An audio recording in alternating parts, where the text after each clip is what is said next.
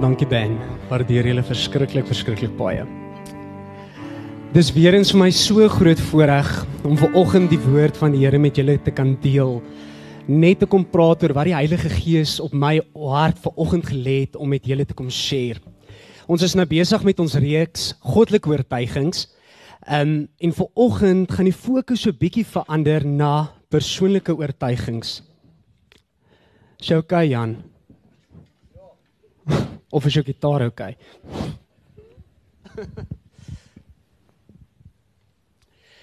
so vir oggend se fokus gaan wees op persoonlike oortuigings. So ons gaan kyk bietjie wat beteken persoonlike oortuigings? Hoe het ons tot 'n oortuiging gekom? 'n Persoonlike oortuiging in my en jou lewe gekom? En dan hoe kan ons dit toepas in ons lewe? Maar wat hou 'n persoonlike oortuiging in? So om bietjie te gaan kyk wat beteken die woord persoonlike oortuiging? 'n Persoonlike oortuiging is daardie etiese, daai morele en morele waardes en beginsels waarvolgens 'n individu leef. Dit verwys ook na die integriteit in iemand se lewe, in my en jou lewe, die besluit tussen reg en verkeerd. Maar dit verwys ook dan na 'n vaste oortuiging of 'n besluit maar dit dien ook as 'n opinie wat ek en jy gevorm het. En ons sal nou 'n bietjie kyk, hoe kom ons by daai persoonlike oortuiging? Hoe is dit gevorm? Hoe het ons gekies ons wil dit en dit en dit in ons lewe glo? So ek gaan 'n bietjie vir julle voorbeelde gee en baie van julle gaan kan sê, daai is ek. Hierdie is ek. Ek stem saam met daai ene of ek stem glad nie saam met daai ene nie. Hier is ons hierdie argument wat die mense maak en dit is spesifiek tussen twee groepe en hierdie is hierdie voorbeeld en daar sit dalk van julle in die gehoor vanoggend wat sal sê ek is saam met die een groep en ek stem saam met die ander groep. En hierdie argument is is die aarde rond of is die aarde plat? Wie van julle stem saam met een van van hierdie van hierdie um argument saam met hierdie argument? So daar is mense wat glo die aarde is rond en die aarde of die aarde is plat. En dis 'n persoonlike oortuiging wat jy gemaak het deur inligting wat jy ontvang het, deur opinie, deur net dit resoneer met jou. En die ander ene is weer toe ek en my vrou getrou het, het ek en sy gekyk en ons het besluit vir ons gaan 'n groot troue werk. Hoekom? Want dis vir ons 'n spesiale dag en ons was oortuig, ons het geweet dit gaan ons bietjie meer um, geld uit die sak jaag, maar dit is wat ons wou gehad het en dis wat my vrou wou gehad het. Maar dan sit hier ook mense vanoggend in die gehoor wat voel 'n klein troue is eerder die opsie vir die rede jy spaar geld. Jy het nie nodig om soveel mense by jou troue te hê nie. Jy kan eerder daai geld wegsit, jy kan dit belê, jy kan dit iewers anders te gebruik op vir vakansie of dalk as jy huis wil koop, 'n klein deposito neersit want dit is wat troues nou al deesdae kos dat jy kan wegsit. Of jy het kinders en jy het besluit 'n spesifieke skool werk vir jou kind. En jy dit baseer op die volgende: hulle het goeie akademie, hulle sport is goed, hulle kultuur is goed en al die aspekte van hierdie skool kompliment gaan jou kind komplementeer en daarvolgens het jy skool gekies of jy het besluit jou kind moet tuiskool onderrig kry vir die rede dan kan hulle fokus op 'n spesifieke aktiwiteit dan het hulle ook meer tyd veral vir ouers wat rondbeweeg met werk en um, rondry vir werk en oorsee gaan en in ander provinsies en in lande werk dit vir tuiskool. En daarvolgens het jy 'n persoonlike oortuiging gemaak dan wanneer dit kom by verkiesingtyd dan is jy oortuig in jou hart vir wie jy gaan stem, vir wie jy daai kruisie gaan maak en vir wie jy jou merkie gaan gee. Dan is dit ook hoe jy jou geld hanteer, waar jy jou geld belê. En so het ons ons persoonlike oortuigings.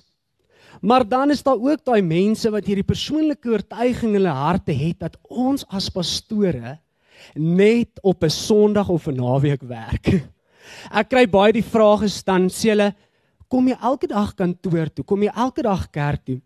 Dan moet ek so mooi net sê ja, ek doen. Ek is voltyds hier. Dan sê ek so, hoe gebeur al hierdie goed wat op 'n Sondag gebeur gebeur nie net op 'n Sondag. Ons kom nie gou Sondagoggend hier op 'n 5uur of 6uur bymekaar en dan gebeur al hierdie goed. Die preek is uitgewerk, ehm um, die funksies word gereël, die musiek is uitgesort, ehm um, die perseel is in orde, die gasvryheid is reg nie. Nee, ons beplan. Maar daar is mense wat die persoonlike oortuiging het dat pastore net op 'n Sondag werk.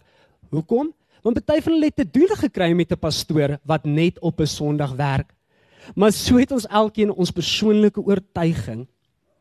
So hoekom ek en jy tot 'n persoonlike oortuiging? Wat is dit wat my en jou gebring het om 'n besluit te gemaak het? Die is dit 'n opinie? Is dit is dit wat jy glo dat jy dat jy gekom het tot daai besluit dat jy hierdie spesifieke persoonlike oortuiging in die lewe gaan maak? Dalk is dit deur iets wat jy ervaar het, dalk is dit deur iets wat jy beleef het. Dis dalk hoe jy groot geword het, maar is ook dalk deur tradisies in jou lewe of dit is wat jou ma, jou pa, jou ouma, jou oupa jou geleer het. Dis dalk deur iets wat jy gesien het, iets wat jy gehoor het en daardeur het dit met jou geresoneer en jy het gevoel hierdie vind aanklank by my en ek wil dit deel van my lewe maak. Dalk vir jouself as jy getroud is, vir jou en jou vrou, ehm um, dalk as jy kinders het, vir jou as gesin, lewe jy volgens daai standaard en jy wil daai standaard handhaaf volgens die persoonlike oortuiging wat jy gemaak het. Ons het nou gekyk wat beteken 'n persoonlike oortuiging? Dit is daai besluit tussen reg en verkeerd. Wat gaan ek volg wat reg is en wat gaan ek volg wat verkeerd is? En ons het nou gekyk hoe kom ek en jy tot 'n persoonlike oortuiging? Maar die vraag altyd in enige situasie is, hoekom is dit so belangrik? Hoekom is 'n persoonlike oortuiging in my en jou lewe so belangrik? Hoekom is dit belangrik? Want in hierdie wêreld wat so voortdurend verander, um met die gaas wat in die wêreld is, wat dinge wat so verkeerd is, dit wat gebeur, help 'n persoonlike oortuiging of persoonlike oortuigings my en jou om te fokus en te staan vir wat reg is. Maar dit bevestig ook waarvoor jy en ek staan. En dit help ons om iets te wys van ons karakter, wie ons is, ons prioriteite, watter prioriteite vir ons belangrik is, wat ons sal doen in 'n verkeerde situasie om onderskeid te tref tussen reg en verkeerd. Dit wys dan ook hoe ons dissipline in ons eie lewe handhaaf. Maar wat gebeur as ek en jy nie 'n persoonlike oortuiging in ons lewe het nie? Dan gebeur die volgende: 'n besluitlose lewe. Dan is dit maklik om net elke elke tweede dag jou keuse te verander. Dan glo jy staan vir iets, dan verander jy dit omdat jy nou nie weet is dit eintlik waarin ek glo nie. Ek staan nou nie eintlik vir hierdie nie, maar ek staan vir dit omdat omdat my vriende sê ek moet voor dit staan of my my werk staan voor dit. Maar dan gebeur ook die volgende, soos ek gesê het, jy sien daai dissipline wat nie plaasvind in jou eie lewe of dalk in iemand anders se lewe nie. En in hierdie wêreld wat so in gaas verkeer, maak dit dat dat mense so rondbeweeg van besluit tot besluit Dis kom mense in hulle geloof van een geloof kan spring na ander geloof omdat hulle nie 'n persoonlike oortuiging het vir wat hulle staan nie. So hulle soos hierdie wind wat rondgewaai word, ehm um, en hulle is net oukei okay met enige besluit. So as as die crowd sê ons gaan links, dan gaan hulle links. As die crowd sê ons gaan regs, dan gaan ons regs. Maar daar's iets wat wat uitstaan vir my. En Alexander Hamilton het die volgende stelling gemaak wat sê en julle gaan hom ken as ek hom dalk vir julle lees wat sê those who stand for nothing fall for anything. En en is dit nie die waarheid nie. Dit wat ek nou verduidelik het as jy nie vir iets staan nie gaan jy vir enige iets val. Enige iets gaan vir jou en vir my aanvaarbaar wees. Dis hoekom dit so belangrik is dat ons in alle aspekte van ons lewens kom op 'n plek waar ons oortuig is van iets. Maar ons gaan nou 'n bietjie by die geestelike aspek uitkom. Maar wat ook gebeur is, ons persoonlike oortuigings kan ook gevare inhou. En jy dink nou by jouself, hoe is dit moontlik? Wat is dit wat die gevaar is? Wat 'n gevaar hou my persoonlike oortuiging in? Toe ek hierdie boodskap so voorberei en ek doen so 'n bietjie navorsing, ek lees 'n paar deur wat mense beskou as 'n persoonlike oortuiging, wat sien hulle hoe hulle dit toepas, kry ek hierdie volgende stelling en ek wil hom vir jou lees. Werk jou persoonlike oortuigings vir jou of teen jou? Ek wil dit weer vir jou lees. Werk jou persoonlike oortuigings vir jou of teen jou? En dis 'n vraag wat jy alleenlik vir oggend hier kan antwoord, hier in jou binneste om te sê, dit wat jy glo, daaroor voor jy staan, die tradisies wat jy nastreef, dit wat jy volgens leef, dit wat jy wat jy aanvaar as reg, werk dit vir jou of werk dit teen jou? Want jy sien, hier aan die een kant het ons ons persoonlike oortuigings en hier aan die ander kant het ons goddelike oortuigings en hierdie goddelike uh, goddelike oortuigings sluit die volgende in. Dit wat die Bybel sê is reg, goddelike beginsels, hoe Jesus gelewe het, dit wat die woord as aanvaarbaar en reg beskou. Maar ons ons persoonlike oortuigings moet nooit net gevorm word op oor hoe ons voel nie. Ons gevoelens, want dit is baie keer waar die gevaar inkom. Ons reageer en bou ons persoonlike oortuigings op gevoel. So ek voel vandag so of oor 'n sekere situasie en dan bou ek my persoonlike oortuiging op daai gevoel of daai emosie en dan op die einde van die dag berokken dit net meer skade. Dit dit verwoes verhoudings, dit maak oneenigheid omdat dit eintlik nie 100% volgens God se woord is nie. Persoonlike oortuigings wat gebaseer is op die woord van God, dit is nou die Bybel, stel my en jou in staat om versoeking te weerstaan en geestelik volwasse te word. En ons gaan net nou 'n bietjie oor die geestelike volwassenheid gesels. Hoe help hierdie beginsel my en jou? Ons beginsels wat ons volg, waar ons nastreef, hoe help dit my en jou? Ons persoonlike oortuigings moet gedryf en gelei word deur die Heilige Gees. As ons enige iets wil doen sonder God, sonder die leiding van die Heilige Gees, is jy ook op 'n baie baie gevaarlike plek, want dan wys dit net iets van jou karakter, van jou prioriteite dat jy dink uit jouself kan jy dinge hanteer. Jy kan dinge be bereik. Jy het die mag om sekere dinge te laat gebeur.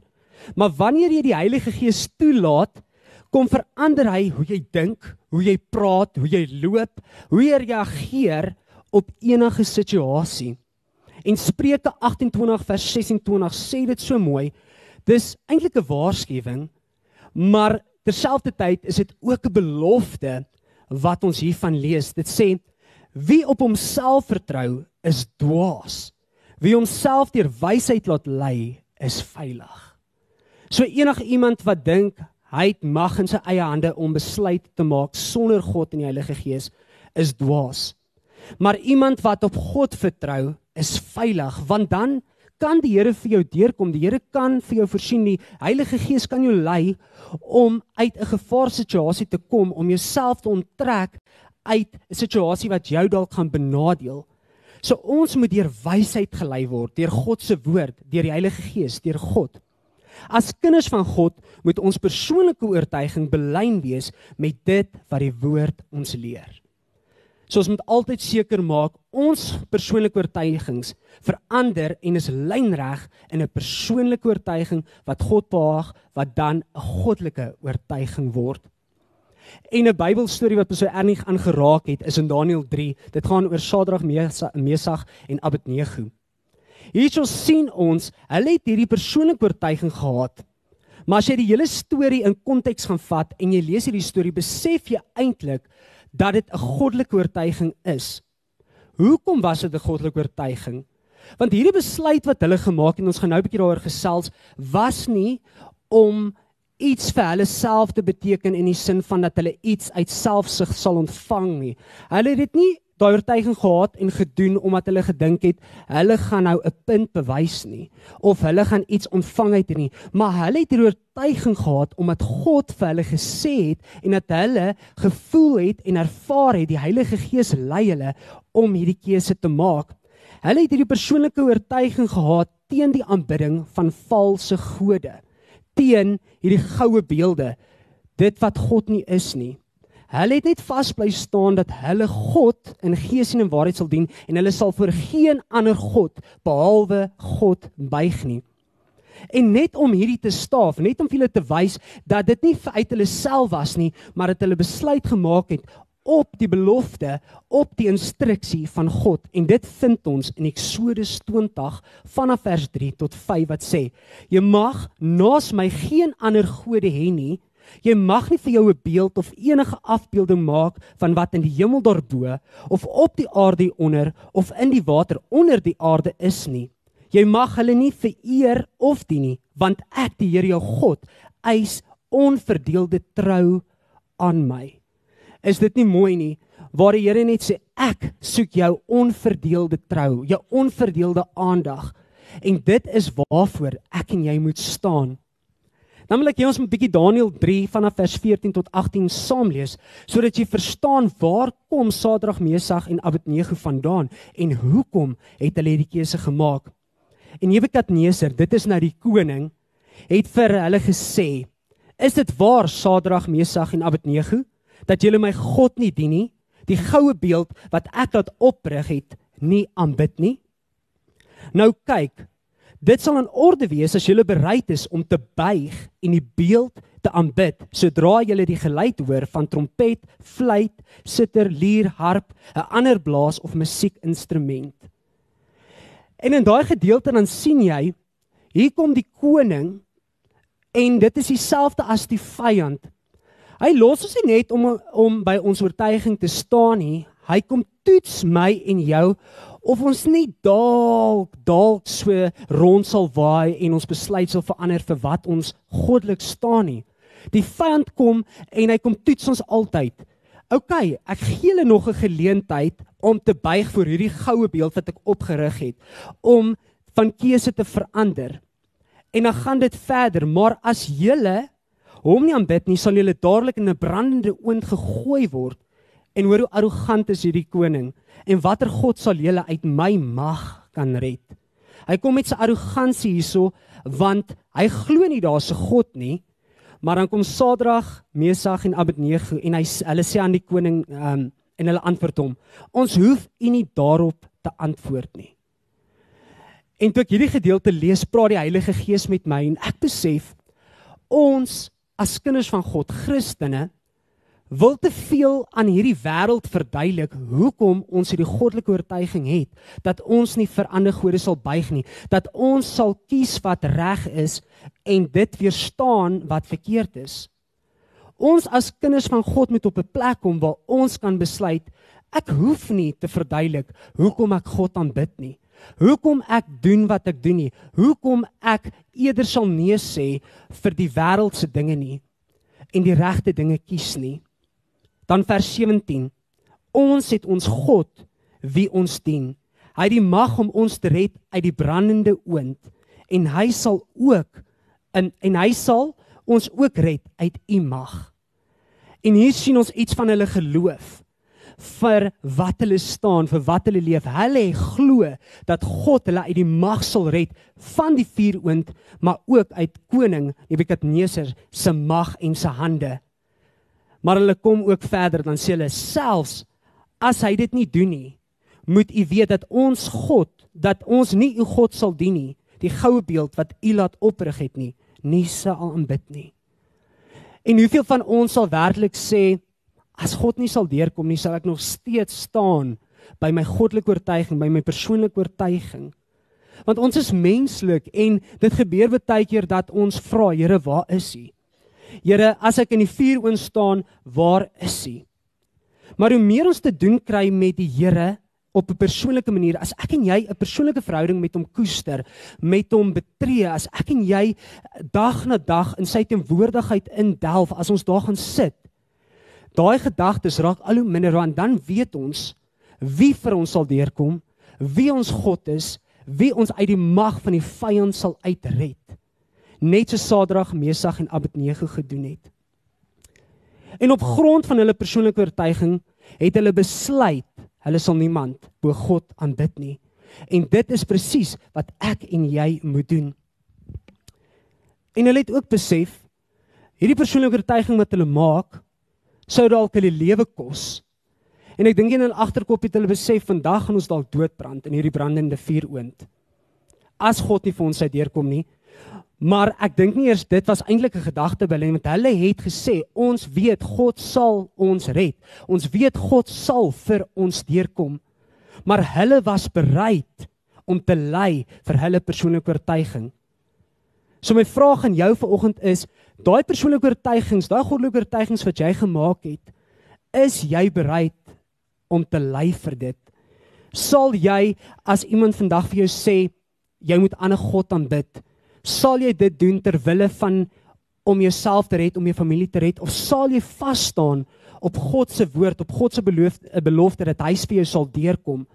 Of sal jy maar soos die kraat sê ons buig sodat jy net jouself kan verseker, jou lewe kan verseker?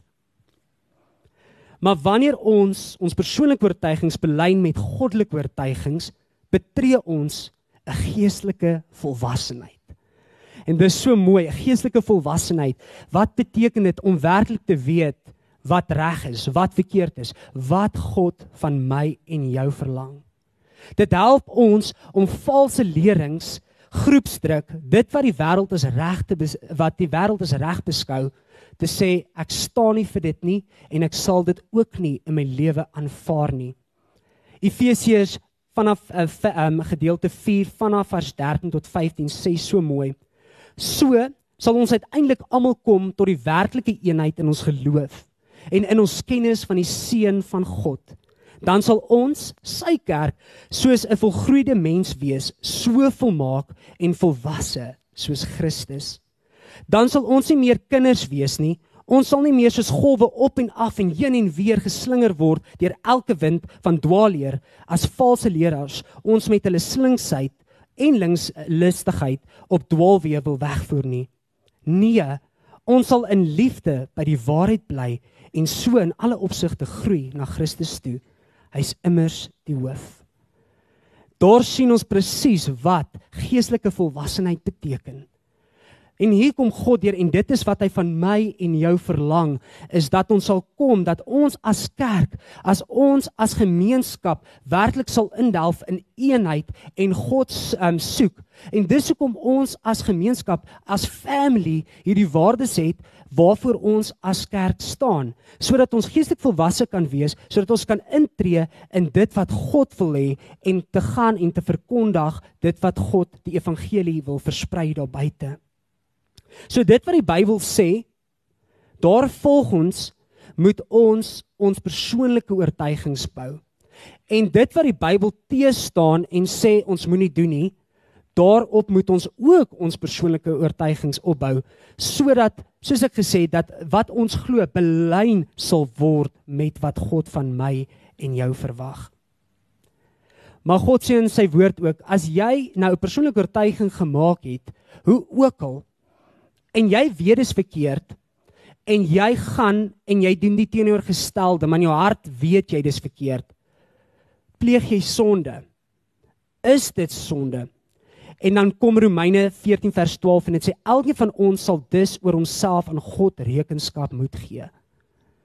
So as jy ver oggend 'n persoonlike oortuiging het en jy weet is dit goddelik, is dit nie goddelik nie en jy leef nie volgens die standaard wat jy vir jouself gestel het nie, is dit sonde. Maar is dit dat God jou nie kan vergewe sou jy dalk jou eie reëls breek nie? Nee, God is so liefdevol. God het 'n hart van liefde en hy sal jou vergewe. Maar wanneer ons belyn met God, kan God vir ons soveel meer doen. En God kan vir my en jou deurkom. Ek wil weer teruggaan na die storie in Daniël 3 van Sadrag, Mesag en Abednego. Hier's 'n stelling wat Susie Chasm maak en julle gaan ook moontlik hierdie stelling ken wat sê stand up for what is right even if you stand alone. En as jy gaan kyk na hierdie drie manne tussen hierdie groep mense wat om hulle was, het hulle eintlik alleen gestaan. Hulle het eintlik letterlik alleen gestaan want die ander mense soos ek gesê het hulle wou hulle self beskerm het en hulle het gebuig Hulle het voor hierdie goue beeld gebuig. Maar Sadrag, Mesag en Abednego het besluit ons staan vir die waarheid en ons sal nie geslinger word na links of regs. Ons sal nie gegooi word na voor na agter toe nie. Ons staan op die belofte wat God vir ons gegee het en op die waarheid van God. En hier kom hierdie drie mans en hulle weet God sal vir hulle deurkom. Maar wat vir my so spesiaal was dat daar nog iemand in die vuur was wat vir hulle werklik deurgekom het. En God respekteer en God eer jou as persoon as jy kan sê ek staan by my persoonlike goddelike oortuiging. God eer jou.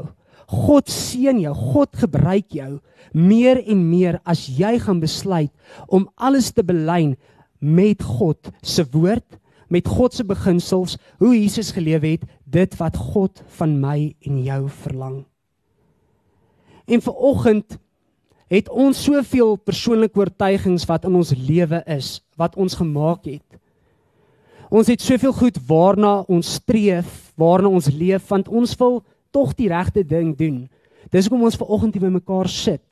Ons wil tog in God se wil leef. Ons wil tog doen wat God se hart is vir die wêreld om die evangelie te verkondig.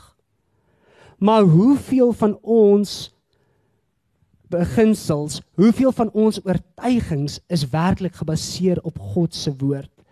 Hoeveel vereer God werklik? En daar waar jy vanoggend sit, wil ek hê jy moet net jou oë vir 'n oomblik toemaak en sien hierso staan jou oortuigings. En aan die ander kant is jou goddelike oortuigings. Hoe belyn jou persoonlike oortuigings met hierdie goddelike oortuigings? Ons maak net ons oë vir 'n oomblik toe en visualiseer net, kry net daai prentjie en sien kom dit by mekaar uit. Kom daai persoonlike oortuiging van my by die beginsels van God uit.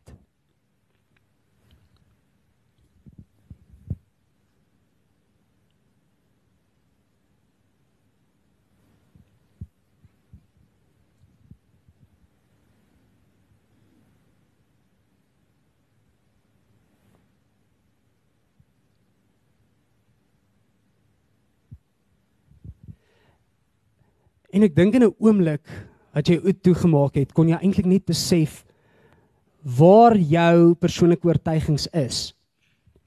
Waar is dit belyn? Waar is dit gesaai? Waar het jy saad gegooi? En waar het jy toe die water gaan saai sodat dit kan groei? En daar is dalk wat jy vanoggend sê, Here, ek moet eintlik van my persoonlike oortuigings verander sodat dit u behaag, sodat dit nie soos ek gesê het in die begin uit gevoel ontstaan nie, uit tradisie ontstaan nie, maar dit werklik die oortuiging wat die Heilige Gees in my hart geplaas het. Daarvolgens het ek dit belyn. Sodat jy jouself nie in 'n moeilike posisie sit waar jy nie meer weet is ek vir die wêreld of is ek vir God nie, maar dat jy werklik kan sê ek sal so Sadrag, Mesag en Abednego staan op die waarheid Ek sal nie rondgeslinger word nie. En as jy hier uitstap dat jou beginsels in mense sal groei. So as jy mense gaan motiveer dat jy mense sal wys wat is dit wat die woord van God van ons verwag. Kan ons net vir 'n oomblik ons oop maak en saam bid en vra Heilige Gees, lei my op die regte pad. Heilige Gees, ons lê alles voor U neer, ons persoonlike oortuigings. Here, ek vra vir oggend elke persoon wat hier sit, elke persoon wat aanlyn luister, mag ons alles net voor U kom neerlê sodat U met ons sal kom deel, dat U met ons sal werk en vir ons sal wys is ons oortuigings belyn met U woord, met U beginsels, met U biblical truths. Hoe Jesus gelewe het. Heilige Gees, ek bid dat U elke persoon sal lei in gees en in waarheid. Sodat ons sal werklik onderskei kan tref tussen wat reg is en wat verkeerd is. Here, dankie dat ons 'n geleentheid kan vat om net seker te maak U hart is in ons beginsels, in ons oortuigings. Dankie dat U so lief vir ons is al maak ons baie keer foute dat U nog steeds uit liefde optree. Dat U ons wil help, dat U ons wil teregwys op 'n sagte en 'n mooi manier. En dankie dat u liefde so groot en goed vir ons is.